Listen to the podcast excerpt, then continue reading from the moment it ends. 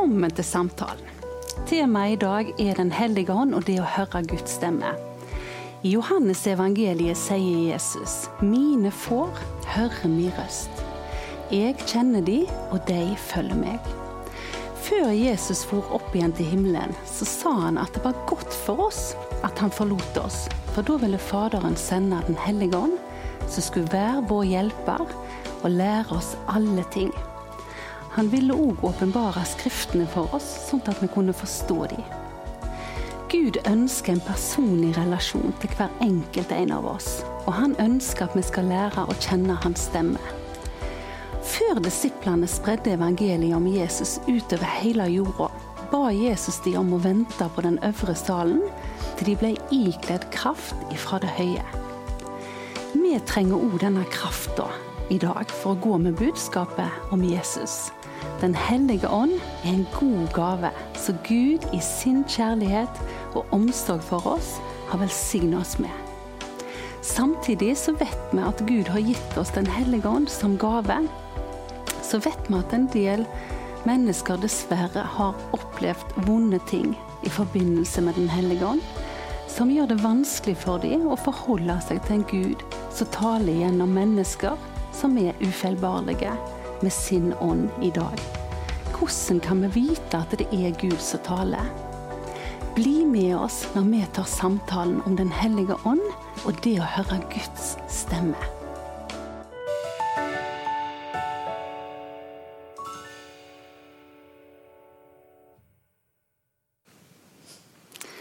Ja, velkommen til studio. I dag så har jeg med meg en gjest. Velkommen til deg, Inga Birgitte. Kan ikke du fortelle litt? Hvem er du? Ja, hvem er jeg? Førstehandskutt barn. Eh, jeg er 43 um, år. Føler ikke meg 43 egentlig, men vi har kommet dit i livet. En god alder. Eh, gift med Per Christian, og vi har tre barn. Eh, to tenåringsgutter nå, så det er en ny fase i livet. Og bor på Sotra utenfor Bergen. og jobber til daglig på Bilde bibelskole på Sotra, som er en fantastisk plass å få lov til å være og bruke tid. Mm. Har du alltid vært en kristen? Det har jeg. Jeg tror jeg, eh, jeg har vokst opp som misjonærbarn i Indonesia. Ja. Så jeg tror at, Og jeg har alltid hatt en veldig sterk tro.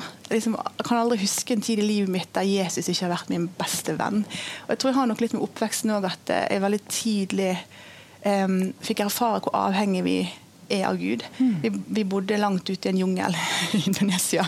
Og der, eh, altså Skulle vi ut og kjøre, så måtte vi liksom be. Vi visste aldri hva som kom. Var vi syke, så var det liksom ikke noe annet å gjøre enn å legge hendene på hverandre og be. Så jeg på en måte veldig tidlig fikk oppleve Guds kraft, da, og mm. hvor levende eh, hvor levende Guds ord er. Ja. Eh, så det har liksom alltid eh, Jeg kan egentlig si at jeg alltid har hatt en, en sterk tro. Ja. Mm. Jeg la jo merke til deg eh, for et par år siden når du talte på lederkonferansen til IMF. Og jeg synes Det var litt spennende at du valgte å dele Guds ord ut fra to bilder som du hadde opplevd å få. Mm. Er det sånn at Gud eh, oftest taler til deg på den måten, eller opplever du at han taler på forskjellig vis? Hvordan ser det ut i ditt liv? Ja, han taler til meg på veldig forskjellige måter, egentlig. Det er jo ikke sånn at det går rundt og har syn og bilder hele tiden. Takk og lov for det egentlig, selv om det er fantastisk. så er det litt uh, kan jo det være litt overveldende av og til, men ved jevne mellomrom så opplever jeg at Gud taler til meg gjennom syn og bilder. Mm. Og som ofte er de litt sånn alvorstunge, vil jeg egentlig si. Når det skjer på den måten. ofte da med et kall om å be over noe. Eh, et kall til å be inn i noen situasjon eller ja, et eller annet sånn. Um, og så er Den hellige ånd veldig kjapp med å lede meg til bibelvers og bibeltekster som bekrefter det jeg har sett og hørt. Mm. Og faktisk òg um, leder mennesker min vei som bekrefter det jeg har på en måte sett og hørt, uten at de, uten at de egentlig vet at det er det de gjør. da. Ja. Um, og så er det noen ganger jeg opplever at Gud vil at dette er noe jeg skal dele med andre. og Det var nok det som skjedde i den situasjonen som du refererer til. At da det liksom ligget der et par år og liksom at nå var tiden inne for at dette skulle formidles. da. Mm. Men i min hverdag så er jo den måten Gud taler mest til meg på i hverdagen, er den der lille, stille, hviskende stemmen til Den hellige ånd. Mm. Som veileder, som oppmuntrer, som irettesetter. og som åpenbarer. Og det har blitt faktisk Eh, jeg vil gjerne ha mer bilder og syn, men det har blitt veldig stort og sterkt for meg det der at Den hellige ånd har lyst til å tale til meg i min hverdag. At han har noe å si meg om min rolle som mor, i min rolle som kone og i alt det jeg gjør. At, at jeg har en hjelper, en veileder som leder meg på den måten. Det syns jeg er helt rått, faktisk. Jo eldre jeg blir, jo mer setter jeg pris på den, den hviskende stemmen og ledelsen i hverdagen. Da. Mm. Mm. Du jobber jo til daglig på Bildøy mm. eh, med masse ungdommer, mm. og noen av de er nok troende og på en måte har sin sak i orden med Gud, mens mm. andre er kanskje søkende. og mm. Opplever du dette med Den hellige ånds hjelp på en måte i din hverdag der òg? At, at han veileder deg hvordan du best mulig kan både møte dem og Ja. Ja, eh, det opplever jeg at, eh, at, han gjør. Og da er det ikke alltid sånn at det er sånn Inger Bytte, nå skal du gå og gjøre det.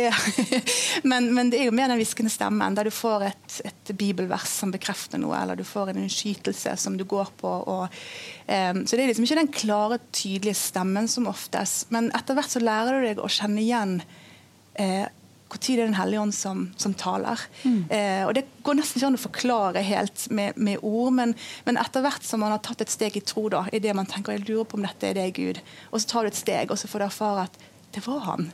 Du får en bekreftelse i etterkant sant? at dette stemte. Dette var mm. han.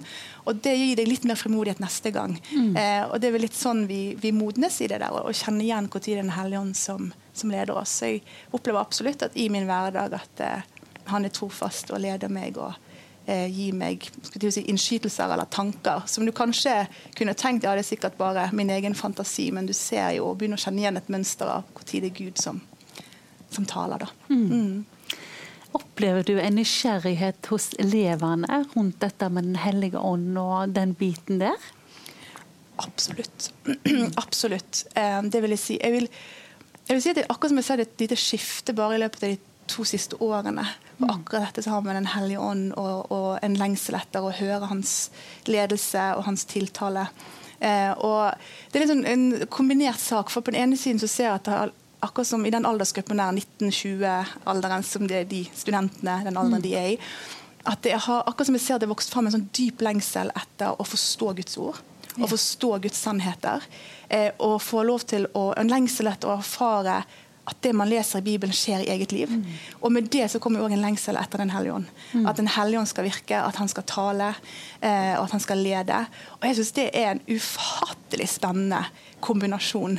At du har en sånn type aldersgruppe da, eh, av unge mennesker som er desperat og lengter etter å forstå Guds ord, parallelt med en lengsel etter Den hellige ånd, det, er ganske, det gir meg veldig sånn forventning. Da, at det er ganske kraftfulle saker når de to kommer sammen. Mm. Og Det gir jo håp for framtida, tenker jeg, når den unge generasjonen på en mm. måte vil ha det de leser om i apostlenes gjerninger. og. Kanskje også litt tilbake til røttene, hvordan de første kristne egentlig mm. levde. Mm. Litt i samme si, miljø eller samfunnet vi ser nå, med mm. mer og mer ugudelighet på en måte mm. i i forhold til hva vi har vært vant til med. Da. At en må stå for noe som er motstrøms. Mm. Og da trenger vi gjerne mer kraft nå fra Den hellige ånd, og vi kan ikke bare gå i egen styrke. Mm. Spennende. Jeg gleder meg til å snakke mer med deg, men uh, vi har mer på programmet her, vet du. Så nå skal dere få en sannhet fra Linda på Sannings samtalesenter, før vi får inn våre to neste gjester.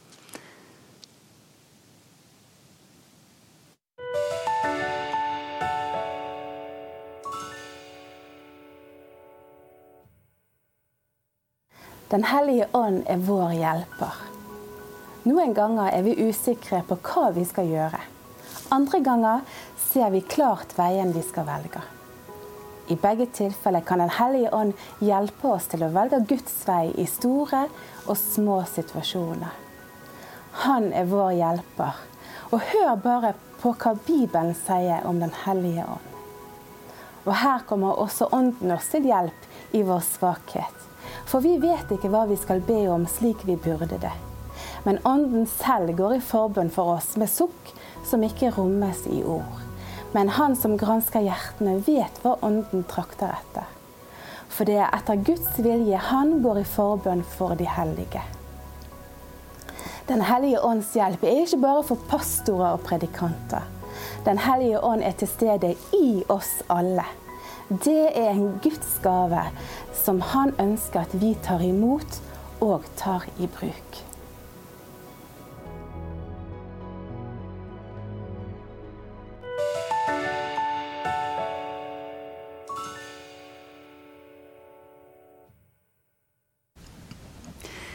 Da er vi tilbake igjen fra studio med to nye gjester. Velkommen Jan Sigve og Daniel. Kan ikke dere presentere dere sjøl litt? Hvis vi begynner med deg, Daniel. Hvem er du? Du, eh, Det er et veldig stort spørsmål. Litt sånn som Inga sa. Hvem er jeg egentlig? Det lurer jeg på iblant. Men det liksom altså biokisten rundt livet mitt er at jeg har rukket å bli 31 år gammel. Bor i den fineste bydelen i Bergen, som er Åsane. Og så uh, ingen innvendinger, som jeg satte pris på. Og så har jeg gift med Helene. Vi har vært gift nå i snart åtte år. Og så har vi tre intense velsignelser sammen.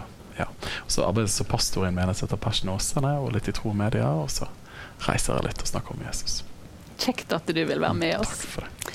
Jan Sigve, kan ikke du introdusere Ja. deg sjøl litt? Ja, hvem er vi? Det er jo alltid spennende. Jeg er da Jan Sigve Hustad.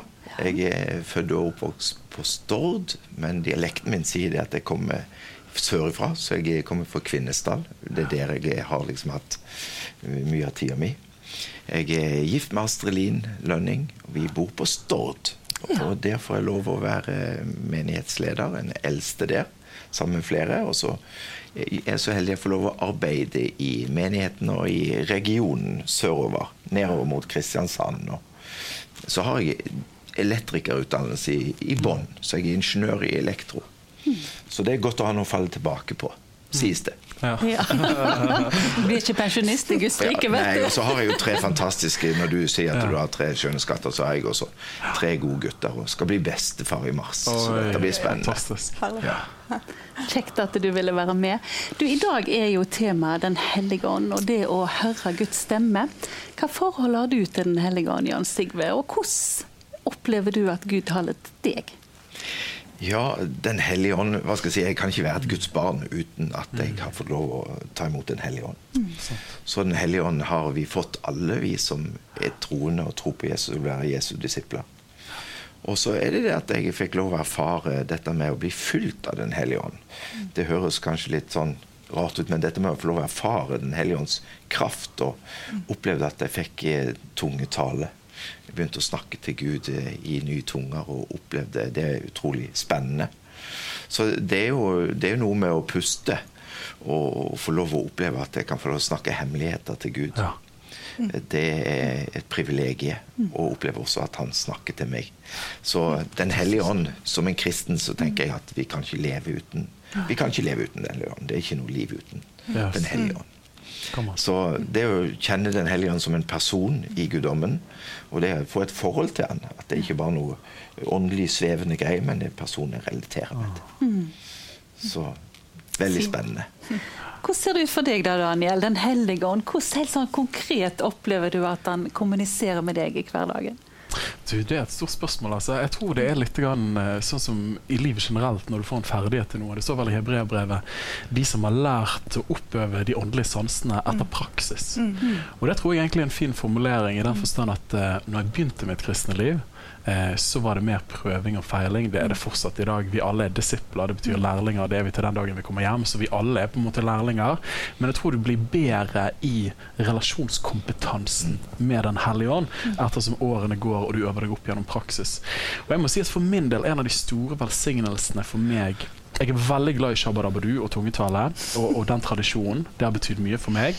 Eh, men jeg erfarer nok personlig for egen del eh, nærværet av den tredje personen i, i treenigheten, Den hellige ånd, mest i stillhet. Så det har vært en av de store skattene de siste årene.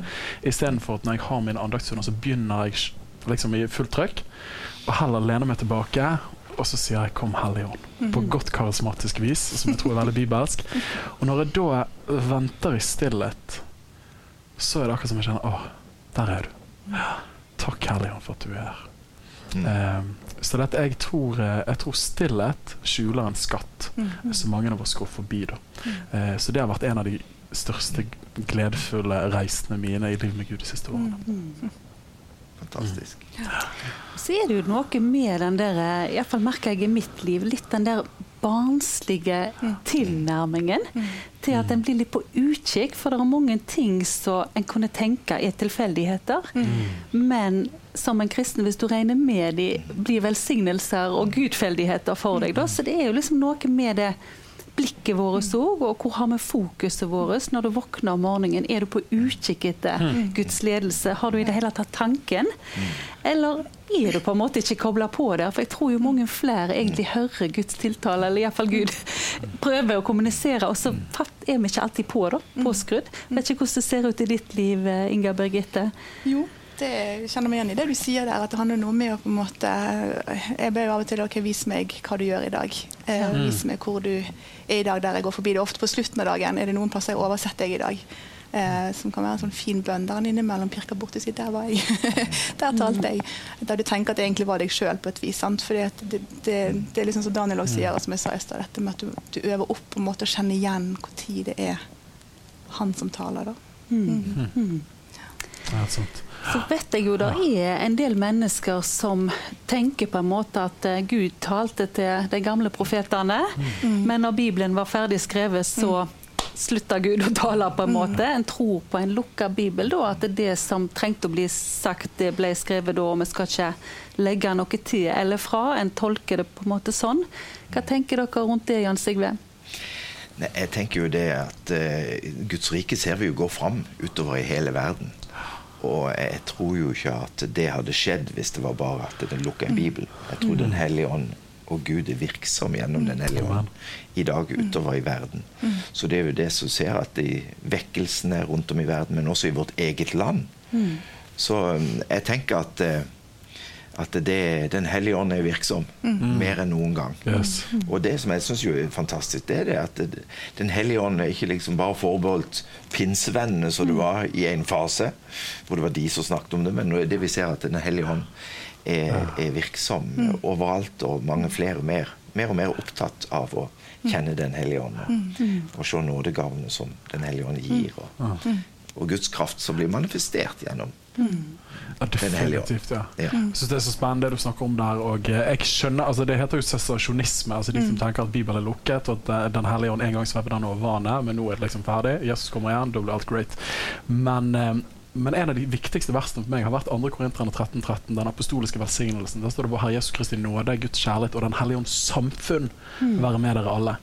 Eh, Og jeg, Tankene går tilbake til sosiologitimene mine til sosiologilæreren min. Han sa at limet i et samfunn er samhandling. Så han gjorde en eksigese for meg uten å vite det. Så det når det da sto Den hellige ånds samfunn, hva betyr det? Det betyr jo skal vi ha et samfunn, så må det være en samhandling i presens i dag. Da. Så det hvordan kan det skriftordet bli oppfylt hvis han er forbeholdt profeten i Det gamle testamentet og Kristus, og så forsvant han? Sant? Eh, så det vi er jo kalt til å leve et liv i Den hellige ånd. Da. Og tankene går òg til, til Jesus når han snakker med sadukeerne. Og, så, og så sier han du, folkens, dere var jo helt vill, liksom. Fordi at dere ikke kjenner Skriftene, men ikke Guds kraft òg. Så det er ordet, ånden Så de som Ja. blir litt redd for charismania, at det bare tar helt av, og hei hvor det går, liksom. OK, rolig, liksom. Eh, ordet holder oss på sporet, så alt bedømmes på det. Men vi tror ordet og ånd sammen. Ja. Yes, Amen. come on. Ja. Helt sant. Og så ser vi jo i samfunnet vårt dette med en anerkjennelse av at vi trenger Guds kraft. Vi trenger å se i funksjon det vi leser i apostlenes gjerninger. Hvorfor skjer det ikke mer her? Og jeg tenker jo Det handler litt om altså, hvor mye slipper vi Gud til i våre samlinger. Hvor mye har vi rom for å vente på Den hellige ånd når vi har et møte? Er alt klakka og klart, eller regner vi med på en måte Guds inngripen? Kommer vi med forventning? Jeg og deg eh, tilhører jo Indremisjonen, og jeg opplever jo en en veldig sånn lengt etter Guds kraft og Guds inngripen, nådegavene, mye mer enn det det gjerne har vært tidligere. Vet ikke hva du eh, kjenner på der? Jo, det er som jeg Ja. sa litt i starten, at du Ja. ser at det vokser fram en lengsel der. Da. Og det, det som bare, I det spørsmålet ditt i forhold til om Gud taler i dag, og at det er noen som stiller spørsmålstegn ved det, så er liksom vi tror vi alle er enige om at eh, Guds ord skal alltid stå øverst. Det er det som har autoritet. Og Gud er, I Guds ord så står det hvem Gud er, hvordan han er, hvordan han opererer, hvordan han handler. Eh, og så eh, og at Guds ord det går aldri på kompromiss med seg sjøl. Så hvis vi lærer å kjenne igjen Guds stemme, så er vi nødt til å lære å kjenne Guds ord. Eh, og i Guds ord så finner vi mange åndelige prinsipper som er gjeldende for oss alle som kristne. Men vi finner ingen individuelle kommandoer eller individuelle retningslinjer der det står Daniel, jeg kaller deg til å gå dit og dit, og du skal si det og det, og du skal gjøre sånn og sånn. Selv om det hadde vært veldig fint for Daniel å ha det. Men det er jo der Den hellige ånd kommer inn og møter oss på et individuelt nivå. Og taler til oss på et individuelt nivå. Og hvis Gud er den samme i går, i dag og til evig tid, så, så, så har ikke det endra seg. Eh, sant? det, det er fortsatt der. Og det som er spennende med Apostels gjerninger, og det har gjort det, det var en utrolig herlig opplevelse der du tar Apostels gjerninger i én hånd, og så tar du en rød tusj i den andre, og så streker du over alt som har med tegn, under og mirakler å gjøre. Alt som har med Den hellige ånds stemme, hellige ånds eh, ledelse å gjøre. Og det vil si at Ikke et eneste av de 28 kapitlene vil være intakt. At vi har en tro som er overnaturlig, og vi har en Gud som er overnaturlig. Eh, og det kommer ikke utenom. Han er den samme. Og jeg tror Den lengselen som vi ser vokse litt opp i det, i hvert fall det jeg ser med de unge som jeg eh, jobber med, er at det er som eh, Livet er ikke så lett. Eh, det er mange som kjemper med mange ting, fordi at vi har åpnet opp for så mye i samfunnet vårt. Og med det òg så kommer det en, et, en desperasjon etter noe utenfor seg sjøl som kan gripe inn. For vi har søkt hjelp så mange andre plasser enn hos Gud. Eh, og jeg ser det, og det jeg skulle ikke misforstå meg rett, men jeg sier av og til det at psykologien kan hjelpe deg herifra til hit. Opplever jeg i møte med mange av de jeg snakker med. Men så er det et lite stykke der det er kun Jesus og Den hellige ånds kraft som kan sette fullstendig fri. Og det tror jeg mange smaker på, i hvert fall mange av de jeg møter på, at eh, der er det noe, da. Em, at um, ja. Og han kjenner oss jo bedre enn vi kjenner oss sjøl, så disse løserordene så ofte en kan få igjennom en tiltale, eller som du sier, at noe fikk polletten til å dette ned, det er det bare Gud som kan gi oss igjennom Den hellige ånd. Og da trenger han ofte menneskelige skikkelser som er ufeilbare. for det er jo noe med den der når en der sitter mange mennesker og, og sikkert ser på her som har opplevd smertefulle ting i forbindelse med menneskelige kar som har brakt et budskap som gjerne har både sår eller gjerne ikke vært rett, eller fordi vi er ufeilbarlige. Det er ikke alltid alt vi tror vi får er Gud. Eh, og hvordan kan vi da lære å skjelne? Hvordan kan vi prøve det som blir sagt på Guds ord? For det står det jo at vi skal gjøre. Hva er din erfaring der? Jeg tror jo det at det er viktig å gå til Guds ord. For, for å, summen av Guds ord og, og det med også Det er i side. Og så tror jeg det med å skjønne at eh, Den hellige ånd han taler ikke bare til meg, men han taler til oss. Han taler til en kropp. Han taler til en menighet. Og det er også å, å kunne være med og prøve det. Derfor så er jeg alltid hva skal jeg si, fraråder folk å bringe profetiske ord på tomannshånd. Fordi at jeg tror at vi trenger flere som hører det. For det er snakk om en prøving og en hjelp. Og som du sier der, at vi er mennesker. Og vi kan gjøre feil. Og så hørte jeg det, dette med å øve opp uh, våre sanser, så vi lærer å skilne. Uh, og jeg tror også en, som er en farlig ting hvis de sier at Gud sier at. Eh, veldig bombastisk. For da har du på en måte lagt trumfkortet på bordet. Hvem er da jeg som kan si noe imot det Gud sier til deg? Så det med å kunne være litt mer åpen rundt det, og, og skjønne at Gud taler til kroppen sin, og så taler han til meg. Og eh, Gud, han tåler spørsmål. Han blir ikke redd. Ja. Og er det Gud, så er han mektig til å gjennomføre det han har talt. Om det gjelder sånne profetiske ord som f.eks. er styrende og retningsgivende for oss. I hvert fall en del av de erfaringene som jeg har i det. Og så har vi masse å gå på i forhold til de tingene. Ja, ja. Ja. Regner jo med du, Daniel, som pastor har erfaringer med begge deler. Både profetiske ord eller hilsener som har blitt en kjemperetningsgivende greie, men òg motsatt, og at folk har opplevd vonde ting. Og hva er din, dine råd i forbindelse med både å være en mottaker av en tiltale å gi? Mm. Altså, her kommer jo litt an på hvilken tradisjon man kommer fra. Jeg er så velsignet til å vokse opp i, i Kristkirken i Bergen, som er veldig influert av Winyard-bevegelsen. Og, og for de som kjenner til John Wimber, så var jo det karismatikk med senkede skuldre. Og det er jeg veldig glad for å få den tradisjonen, mens noe mer trosbevegelse og pinsekarismatisk har gjerne vært litt mer hypet opp, og så har det vært The God's Man of Power for the Hour. Så hvis profeten har et ord, så er det gjerne 'så sier Herren'. Så jeg husker vi ble opplært istedenfor å si 'så sier Herren', sånn som Jan Sigve sier, eh, så ble vi lært opp til at jeg, jeg lurer på om Gud har lyst til å si til deg, eller jeg fikk dette bildet. Mm. Og så er det en stor forskjell på det gammeltestamentlige profetiske embetet, som var fullkomment, det som er nedfelt i kanon, mens kanon er lukket. Så det vi gjør nå, er oppbyggelse av Kristi legeme. Så min tommelfingerregel når jeg lærer andre og forsamlingen til å profetere, det er at er det til oppmuntring, formaning og trøst? Mm. Jeg stemmer overens med Guds ord? Mm. Eh, og så gir jeg det i en innpakning. Sier at, vet du, jeg ble minnet på dette, jeg fikk dette bildet, jeg lurer på om Gud sier men be over det. Kjenn etter. Prøv det. Ja. Sånn at jeg, Det kommer ikke med en vekt fra meg om at du er nødt til å leve det ut, men jeg, men jeg inviterer deg istedenfor å kontrollere deg. Da. Eh, og det ser jeg veldig gode frukter av. Og så tror jeg sånn som Jan Sigve sier, Hvis det er et ord for Gud, så er ikke Gud avhengig av at min introduksjon eller ingress til det ordet er liksom uh, heavy-handed, for jeg tror kraften ligger i Ja. ordet selv. Da. Ja. Så, så jeg tror den største faren egentlig for kristenheten er vel mer at vi ikke profeterer. Ja. Så jeg prøver med alt jeg kan å være med og tjene fram en profetisk kultur. Og så prøver jeg å senke terskel så mye som mulig. Og det kan være at folk reagerer i den forstand at om så du bare gir en oppmuntring. Om, for hvis profetisk tale er oppmuntring, formaning og trøst Hvis du sier noe som samsvarer med sannhet, så er det åndsinspirert. For at Gud er sannhetens Gud. Og så kan folk begynne der, eh, og så går vi den veien, da. Og eh, jeg må jo si for min del, jeg er 13 år gammel, møtte Jesus, ble fylt av Den hellige ånd. Eh, jeg hadde ikke vært på sånn høre Guds stemmekurs, men jeg husker han som lærte meg eh, å vandre med Jesus. Han sa Daniel, det er kjempeenkelt. Du spør Gud om å si noe til deg. Første tanken du får, så lenge han ikke går på akkord med Bibelen, så sier du han. Og jeg var så enkel, da. Og jeg må si at jeg bruker fortsatt den tilnærmingen. Og det er det jeg lærer andre opp til òg. Og jeg kunne delt drøssevis av historier på hvordan det funker. da. Eh, og jeg tror av og til så bare gjør vi det så komplisert. Men Gud er pappa, vi er kids. Eh, og det er, det er ment å være enkelt. Ja. Mm. Herlig.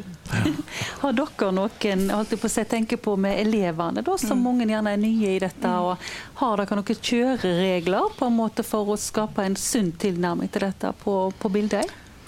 Ja, altså jeg tenker at Når det gjelder det profetiske ord, så vet vi at det er mange som sitter så rundt omkring, som du sa. Eh, og Det som jeg prøver ofte å formidle, eh, er jo at det er to stykker som har ansvar eh, når et profetisk ord formidles. Eh, og Det er den som taler ordet, og den som tar imot. For den som tar imot, har faktisk også et ansvar. Eh, og den som deler ordet, eh, har jo et ansvar å formidle dette i kjærlighet, og forhåpentligvis er det i lydighet, fordi at man har hørt eh, noe fra Gud som skulle deles. Eh, Og jeg synes bare, kom på Det nå, at det er jo interessant når du leser 1. Korinterbrev kapittel 12, 13 og 14. I kapittel 12 så leser vi om disse her eh, ni gavene. sant? Og så i kapittel 14 så tar Paulus opp i dette med det profetiske og tungetallet. For det ser ut til at det er noe vi alltid sliter med. Som vi alltid trenger litt mer sånn, få litt mer inn. Men i midten der så er det et kapittel, kapittel 13, som vi leser når det er bryllup. Men jeg tror ikke nødvendigvis at den var plassert der tilfeldig. Og at det kapittelet der om kjærlighet og tålmodighet og omsorg og utholdenhet er plassert der for at vi skal lese det når noen gifter seg. Eh, og at det er liksom mellom disse to kapitlene om nådegaver. Det er jo fordi at her er det en kjempeviktig sannhet. Å formidle i kjærlighet og i omsorg. Eh, og den, den, eh, Om det er Daniel Sæbjørnsen sjøl som kommer kom med profetiske ord, eller en eller annen eh, high-flying American pastor, så har vi lov til å teste det. Sant? Og det er ikke kritikk og skepsis når vi stiller spørsmål og, og tester. Eh, så det er den ene som har ansvar, og den andre som har ansvar, det er mottakeren. Eh, når jeg får et profetisk ord, så er det opp til meg hvordan jeg forvalter det ordet. Eh, og for Måten jeg gjør det på, og som jeg prøver å formidle det til andre på, er at når du får et profetisk ord, hvis det treffer, og du bare kjenner umiddelbart en fred, og kjenner at ja, dette er fra Gud, dette traff, dette stemmer, så ta det til deg. Eh, og så Det jeg har gjort i mitt liv, er at når jeg har fått profetiske ord som jeg skurrer litt eller er usikker på, eh, så skriver jeg det alltid ned. Og så ber jeg Gud om å vise meg det, åpenbare det for meg, minne meg på det når tiden er inne eh, for at dette skulle være et oppmuntring, trøst eller eh, utruste meg. da. Og Jeg har opplevd at jeg som 19-åring fikk et profetisk ord som var veldig tydelig. Eh, som jeg kjente dette her er helt ute å kjøre. dette kommer aldri til å skje i mitt liv. Jeg er ikke i nærheten av på vei, eh, på vei i den retningen med mitt liv. Så jeg skrev det ned og tenkte OK, Gud, du får minne meg på det eh, en gang i livet da, hvis dette her var til meg allikevel. For syv år siden så var jeg i en situasjon der eh, Gud minner meg på den profetien der. Og det profetiske ordet Og det har gitt meg sånn frimodighet i den tjenesten som jeg står i i dag. For det var liksom akkurat spot on. Mm. Så det jeg var på vei til å forkaste, var egentlig Gud som forberedte meg på innsiden over mange år. Så det er noe med det der, det er sånn todelt eh, ansvar, da. Som jeg tror er litt sånn viktig at vi kan eh, snakke om. Ja. Spennende. Nå skal vi ha en liten reklamepause før vi kommer tilbake igjen med del to. Vær så god.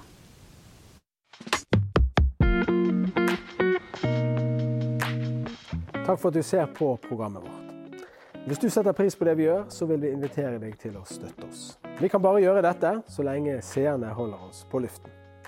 Send din gave på VIPS til 76 3805, så hjelper du oss med å lage disse programmene og å skape nye. Takk for din gave på VIPS til 76 3805. Gud velsigne deg.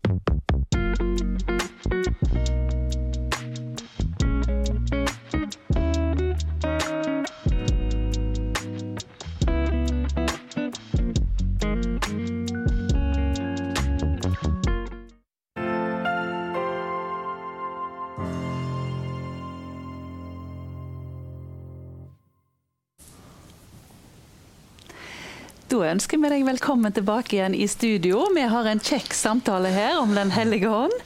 Eh, og en av de tingene som det står at vi skal søke med iver, er jo nettopp den profetiske gaven. Dette med å kunne tale profetisk. Så Gud må jo ha skrevet det for en hensikt. Og jeg har iallfall opplevd i mitt liv, som du sa, Inga Birgitte, å få et ord som var både retningsgivende, og som gjerne fikk meg til å tro på noe som jeg visste at jeg ikke kan i meg sjøl. Sette retning for eh, både yrkesvalg og Har du opplevd et sånn litt konkret ord som har vært retningsgivende i ditt ord? Ja, I ditt liv, mener jeg? Ja, det har jeg. Eh, Jeg kan vel si at eh, jeg hadde vel ikke vært på Stord hadde ikke vært for Mm. et konkret ord. Og eh, at en opplevde å få mange ord som bygde på hverandre. Mm. Som gjorde til at jeg sa opp jobben min, sa opp leiligheten min og pakka kofferten. Det var det jeg hadde. Og så dro jeg til Stord. Mm. Eh, ut Jeg opplevde Gud talte. Og det fikk jo store konsekvenser med at det ble en oppriving i forhold til relasjoner og kontakter. Å flytte tilbake til ei, ei øy hvor du er født og oppvokst. Og så Det er litt å gå på vannet. Ja. Og så er, sier jeg ikke alt, alltid det har vært lett. At det liksom da da går vi rett inn i Kanans land. Men det kan være en ørkenvandring og tøffe runder. Og, og som du sier, at eh, det å gjemme i hjertet det Gud har talt. Ja, Og så får jeg lov å se tilbake og tenke på det jeg får lov å være en del av i dag, og stå i i dag, som jeg er bare så takknemlig for. Og at det var noe av det Gud talte. Så det, det var spesielt når jeg fikk det. Jeg kan si hvor det var. Akkurat hvor Gud talte. Ja. Fantastisk. Du da, Daniel, har det vært noe sånn konkret øyeblikk som du husker tilbake så har vært et sånn ord som du bare vet at det var Gud? Altså, jeg har nok en rekke opplevelser av det. Jeg husker I den tradisjonen som jeg kommer fra, så ble vi opplært til å skrive ned ordene, sånn som Inger sier her. Så jeg, hadde, jeg husker jeg hadde flere hundre profetier etter hvert. eh, Med bare, det var alt fra liksom, jeg ser en blomst som vender seg mot sol og åpner seg, til liksom, mer spesifikke ting. Og det er jo noen kristne klisjéord, hvis vi får lov til å innrømme det, eh, som traff kanskje litt hardere til å begynne med enn det de treffer i dag. Eh, men jeg husker for min del kanskje et av de mest toneangivende ordene for min del var når jeg eh, hadde møtt Den hellige ånd, 13 år gammel, tatt en beslutning om å følge Jesus. Så kom jeg tilbake til det ungdomsarbeidet i Kristkirken Kanalu. Eh, og mamma hadde prøvd å presse meg til å gå der tidligere, men jeg syntes det var forferdelig kjedelig. Eh, men nå hadde jeg møtt Jesus, så nå var jeg motivert. Og så husker jeg satt nesten på bakerste rad i en rød filagenser, Så er det to stykker som leder møtet denne fredagen her. Og etter lovsangen så vender han ene seg til forsamlingen og sier han, du, hva heter du bak der i rød filagenser? Jeg har ikke sett deg før.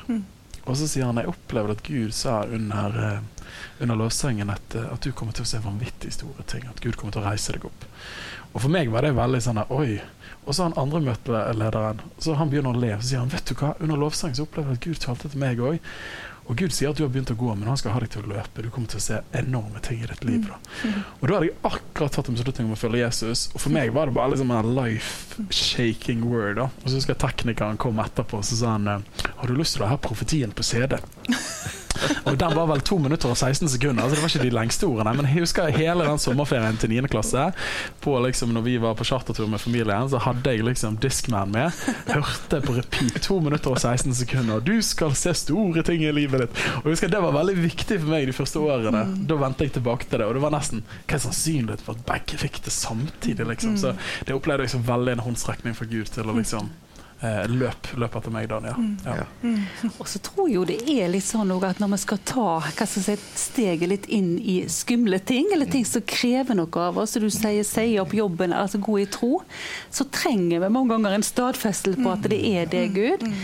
Jeg òg opplevde jo sjøl da når jeg hadde sagt ja til å, å jobbe som pastor eller forsamlingsleder, det var et kjempestort steg i tro for meg. Eh, og Da kommer det to amerikanske damer som ikke ante hvem jeg var. Jeg var på en samling i lag med dem og profeterer rett inn i livet mitt. Og det var så enormt trosstyrkende, for de hadde jo ikke samtalt med meg ingenting. Og det var liksom bare så spot on. Men jeg kjente jo at det har gitt meg en enorm sånn styrke i det jeg har Det ble liksom tredje stadfestelsen på kort tid, da, som jeg derfor kjente på at jeg trengte for å våge å gå. Så det er liksom noe med det der Gud stadfester sitt ord. Men ofte så har han jo vært og lagt et frø hos oss på forhånd. Ja. Det er ofte ikke sånn at folk kommer med noe så, til noen andre før han har vært og snakket med deg. Iallfall opplever jeg det sånn. Men vi var litt inne på dette med det å ha et profetisk embete og det å tale profetisk. Det står jo at vi alle kan høre Guds røst og tale profetisk. Vi vet at når vi taler Bibelens ord, så taler vi profetisk i og for seg. Men hva er forskjellen på det å ha et profetisk embete, det å være en profet, det å ha en profetisk tjenestegave, og litt disse, hvor går disse skillene? Daniel, kan ikke du si noe om uh, hva du tenker rundt det? skal du høre her. det, dette er veldig enkelt. Nei, um, altså jeg har vokst opp med den, den tredelingen der som du skisserer der, at eh, vi alle kan tale profetisk. Og så er det sånn som eh, 1. Korinther 12 sier, eh, at jeg tror noen har en profetisk gave. Eh, som gjerne har blitt gitt en spesiell nåde, enten gjennom mye praksis, eller at de har en spesiell nåde, lydhørhet for Den hellige ånds stemme. Men så tror jeg vi møter også i Efeserne 4 sant, det som heter tjenestegaven, eller embeter. At det finnes noen Han satte noen profeter i menigheten, annet, og første apostler, altså profeter. Og så vil nok en del kirkelige tradisjoner forklare profetens embete i, i, dag vil være forkynneren. Men jeg er ikke av den oppfatning. Jeg mener at Når du leser Apostelens gjerninger, så møter du bl.a. i slutten av eh, boken Philips fire døtre, så står det at eh, profetinner. Eh, så åpenbart eh, den profetiske gaven, agabus, som på en måte er folk som blir anerkjent som profeter. Da. Så jeg tror definitivt at Gud reiser opp profeter i dag. Jeg tror en av de større utfordringene er om menigheten tar imot dem. Ja. Og det tror jeg er en av utfordringene, i hvert fall i vestlig kristendom, er at vi har tillatt hyrder og lærere, men apostler og profeter er på en måte et fremmedord. Og så evangelister er litt sånn uglesett. Eh, de får starte sitt eget ministry litt borte, så får de ha noen sommerfestivaler. Eh, men vi trenger hele kroppen Ja. i funksjon. da. Dette vet jeg du brenner for, Jan Sigve. Ja, det er helt sant. Det er helt sant. Så jeg støtter deg veldig i det du sier, Daniel. Ja. Og, og det ser vi jo også sånn som eh, ja, Paulus og Silas. Silas var jo en profet. Det står jo om at de var det. Og det er jo, profeten var jo i å stå i Guds råd. Og Moses var jo den første som ble omtalt som en profet. En Herres profet. Så det er noe du bærer. Det er personifisert. Yes. Eh, og, ja, og det er ikke noe du kan verken søke på eller utdanne deg til, men det er noe som. Gud gir. Og, og det å være det. Så, men det å ta imot det, og det er vel kanskje det som har vært den største utfordringen for Kristi kropp i å anerkjenne de og ta imot de, og, og se at de trengs. Helt Virkelig. Og at den trenger, og så trenger enhver gave, som du sier, i å jobbe sammen med andre gaver. Veldig bra. Vi er ikke konkurrenter, og vi bruker ikke albuer, men det er å bare få lov å tjene Gud. Og så er vi ikke opptatt av etiketter heller. Er du det eller det? Det står liksom ikke på visittkortet ditt. En profet, Herrens profet. Men det er noe da bør du med, ja. Men det er noe med å gjenkjenne fruktene, da. Ja, ja. Fruktene. Blir Jesus større?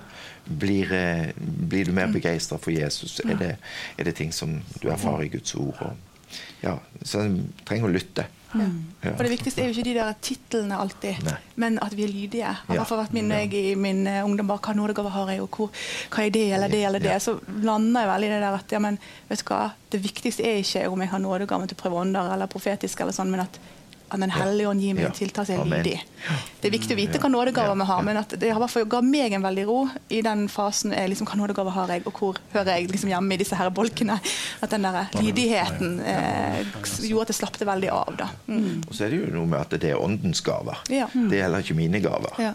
Så det med at Den hellige ånd gir oss det vi trenger til hver tid. Ja. Og så er det noen ting som du gjerne erfarer at Ja. Du opplever ofte kanskje at du fungerer i. Så det er aldri mine gaver, men det er Den hellige ånds gaver som han gir Oss. Jeg synes det er et veldig godt poeng det der. For dette er en, en del undervisning, i hvert fall kanskje litt sånn klassisk pinseundervisning, er at du har en nådegave. Og jeg husker Reidar Paulsen i, i Kristkirken snakket om da han kom til byen. Ja, det var en dame i Loddefjord som hadde helbredelsesgave. Og vel kan det være en dame i Loddefjord som hadde en spesiell nåde på det eller erfaring.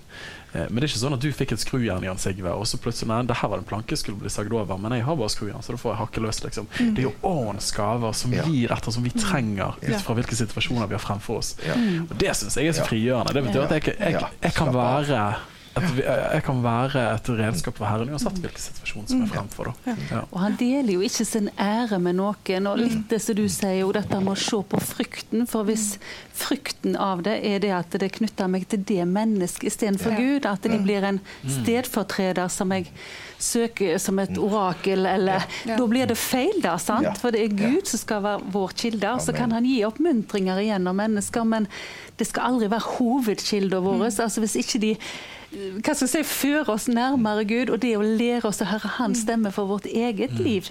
For det vil han. Vi skal, vi skal ikke trenge noe mellommenneske. Vi hører alle Guds røst, så jeg tror det er viktig å øve seg opp i de tingene der. Og igjen nå dette med fruktene av livet vårt, altså åndens frukt. For vel kan vi ha gaver, men, og Gud angrer ikke sine gaver, men det er ikke alltid karakteren helt lever opp til de gavene, da. Ja, da. Eh, og da, så dette med åndens frukt i vårt liv, da har vi kjærlighet, har vi ydmykhet, er vi stolte og oppblåste, og hvor er vi i vår vandring? Og jeg tror jo mange av de som sitter med sår òg, er jo nettopp pga. gavene er brukt rett og slett i feil ånd, eller med et feil motiv. Eh, og det kunne vi sikkert snakket en hel episode om, motivene våre. Sant? For eh, hvis det er jeg som skal ha æren, når jeg gir deg et ord, så er det viktig for meg at du anerkjenner meg. Da er jeg egentlig feil ute å kjøre. Sant? Så det er jo liksom være ei dåre for Kristi skyld, dette med å være den, ha den barnslige tilliten. Og det tenker jeg jo alle disse nådegavene som er overnaturlige. Det er ingenting vi kan gjøre i oss sjøl, annet enn å trø inn og våge å stå der. Da. Det er jo skumle gaver å på en måte bevege seg i. Eh, Hva tenker du, du Inga Birgitte, rundt disse gavene som på en måte er totalt avhengig av en overnaturlig gud? Ja, hva skal jeg svare på det spørsmålet? Eh, ja, det er det. Hva gjør man da? Um, eh, nei, altså det, jeg tenker jo Det handler jo om at eh, hvis de nådegavene skal være i funksjon, så må vi ha et kjærlighetsforhold til Jesus. Der vi, der vi, der vi ransaker oss sjøl jevnt og trutt. Eh, hva, og, og på en måte, Jeg har jo noen områder der jeg beveger meg litt i, og merker jo at jeg av og til må vende om fra behovet for bekreftelse sjøl. Eh, hvis jeg skal være så, altså være så Ja. ærlig på det. Sant? At, eh, at, eh, at Gud ransaker hjertet mitt. eh, fordi at det er godt med bekreftelse for å få um, for å få, altså få en bekreftelse på at du, dette her var Gud. Men hvis bekreftelsen blir det du søker hele veien, Ja. sant, så er jo det noe som, som er feil. Så jeg ber eh, ofte om at Gud bare gi meg akkurat nå bekreftelse til at ikke jeg blir liksom At jeg fortsatt har tro og frimodighet til å gå. Men beskytt hjertet mitt, for jeg ser hvor galt det går når det er den du søker hele tiden. Um, så ja, hvis det var litt, sånt litt svar på spørsmålet, men um, ja. Og det er så viktig igjen, det med motiver. Altså hva, hvem skal ha æren egentlig i alt vi gjør da. Men Den hellige ånd, Daniel. Hva vil du si han har betydd for deg i ditt kristenliv? Hva hadde det vært uten? Altså, han betyr jo alt.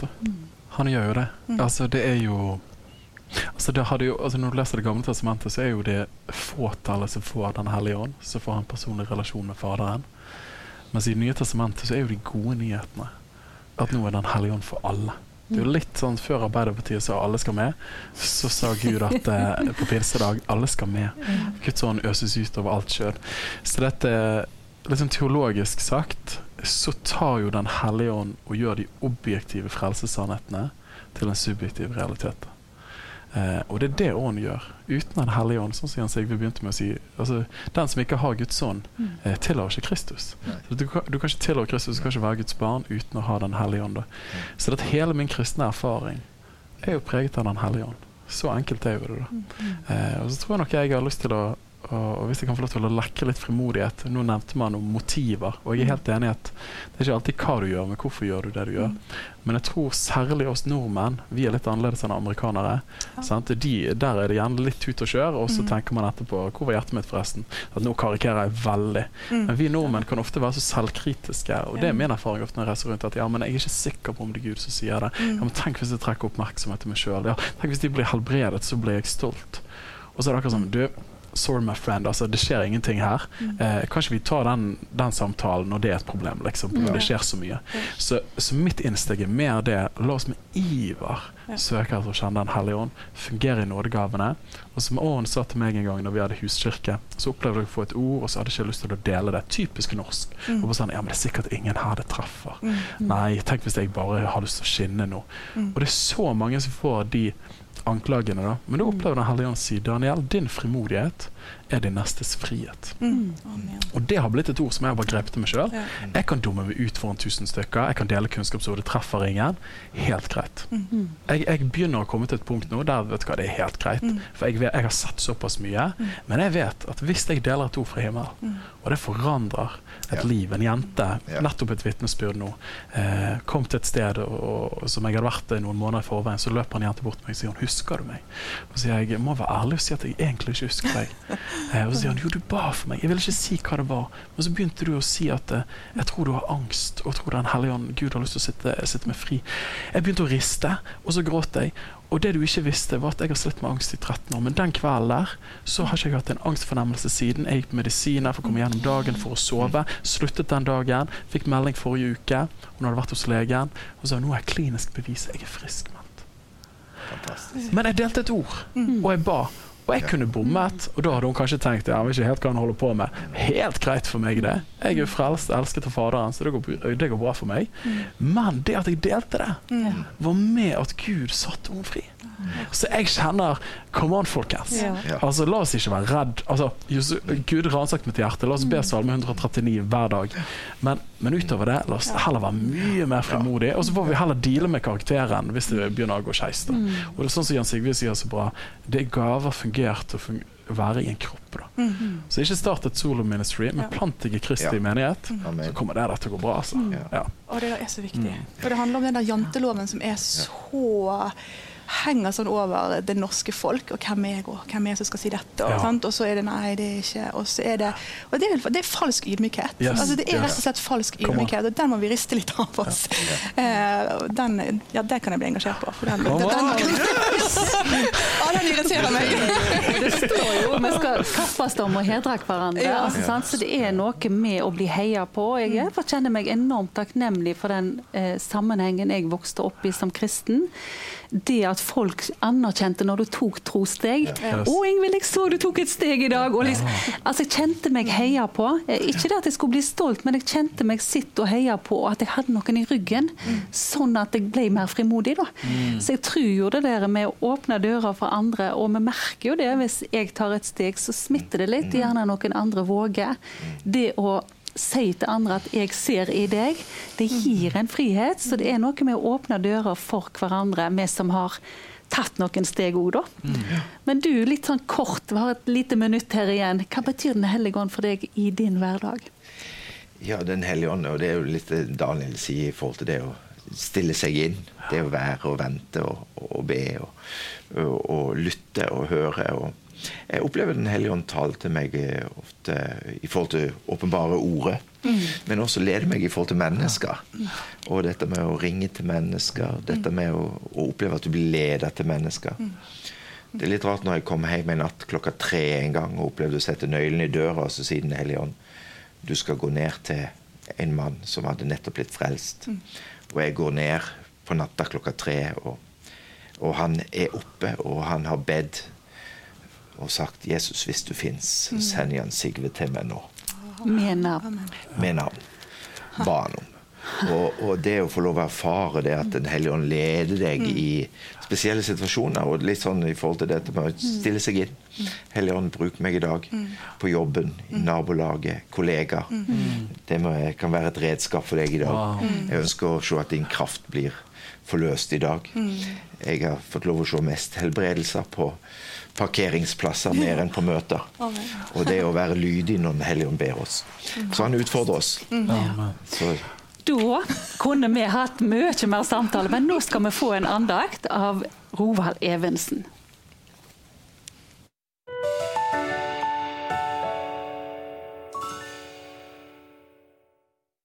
Den hellige ånd, herliggjøreren av Jesus. Jeg synes Jesus han får sagt det så fint i Johannes 16, vers 14. Han skal herliggjøre meg, for han skal ta av det som er mitt, og forkynne det for dere. Og Likeså syns jeg også Paulus er inne på det samme sporet her når han i Galaterbrevet kapittel 3 vers 1 sier det slik. Dere som hos dere selv har fått Jesus Kristus malt for øynene som eh, korsfestet. Dersom ikke Jesus blir herliggjort, har ikke Den hellige ånd vært i virksomhet, har en uttalt det. Og I vår tid kan det være mye original servering eh, og veldig mange måter å servere et budskap på. Men eh, leveres det normalt for vår udødelige sjel? Den hellige ånd elsker å vise fram portrettet av Jesus, den korsfester. Og her er han både malermester og gravør. Jeg har lyst til å vise dere et bilde i dag. Dette bildet har min far skåret ut med et enkelt verktøy. Der han satt i snekkerboden sin. Og Når jeg ser dette bildet som henger hjemme i mitt hus, så tenker jeg alltid at dette bildet har min far måttet gravert, skåret ut, inspirert av Den hellige ånd. Der korset er med, der tornekronen er med. Og så er det så fint å se at dette bildet her, det er jo nettopp det bildet Den hellige ånd ønsker å formidle til oss i dag. Og i, i dette bildet og i dette budskapet er det òg et frelsesbudskap. I en av sangene som jeg syns jeg liker veldig godt, så står det så veldig fint i Eivind Skeie sin sang fra 1988. Jeg synger om en malermester. Han heter Den hellige ånd. Og det han til sitt lerret fester, det skjer ikke bare med hånd. Han maler på ditt hjertes tavle det vakreste motiv. Og når du har sett Helligåndens portrett, da har du evig liv. Han maler stille i ditt hjerte med pensel blodig og rød. Et bilde av den store smerte, av Jesus på korset som død. Så tar han frem de gylne farger. Da stråler hans motiv. Ja, når du har sett Helligåndens portrett, da har du evig liv. Han risser opp en tornekrone for det som en gang måtte skje. Da Jesus skulle alt forsone og hang på forbannelsens tre. Blant torner springer ut en rose. Slik er din venns motiv. Ja, når du har sett Helligåndens portrett, da har du evig liv. Og sist, jeg synger om en malermester. Han skaper sitt bilde med ånd. Og det han til sitt lerret fester, er gjort med Guds mektige hånd. Ditt hjerte er hans egen tavle, og Jesus hans motiv. Og når du har sett Helligåndens portrett, da har du evig liv. Gud velsigne deg. Amen.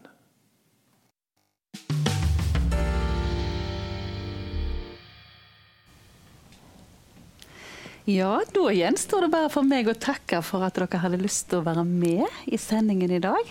Takk for en fin samtale og gode refleksjoner. Så takker jeg til dere som har vært eh, seere i dag. Håper dere har fått noe godt med dere. Noe som dere kan ta med i deres kristne liv og i vandringen med Jesus.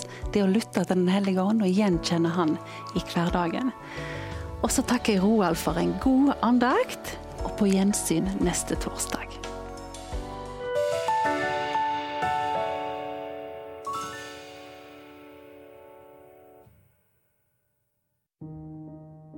Noen ganger så handler temaene i samtalen om ting som kommer nært inn på livet og berører deg og ditt liv. Da kan det være du tenker at du skulle ha snakket med noen. Og det finnes heldigvis. Her kommer en liste med trygge samtaletjenester rundt om i landet som du kan kontakte og gjerne tar imot deg og ditt behov.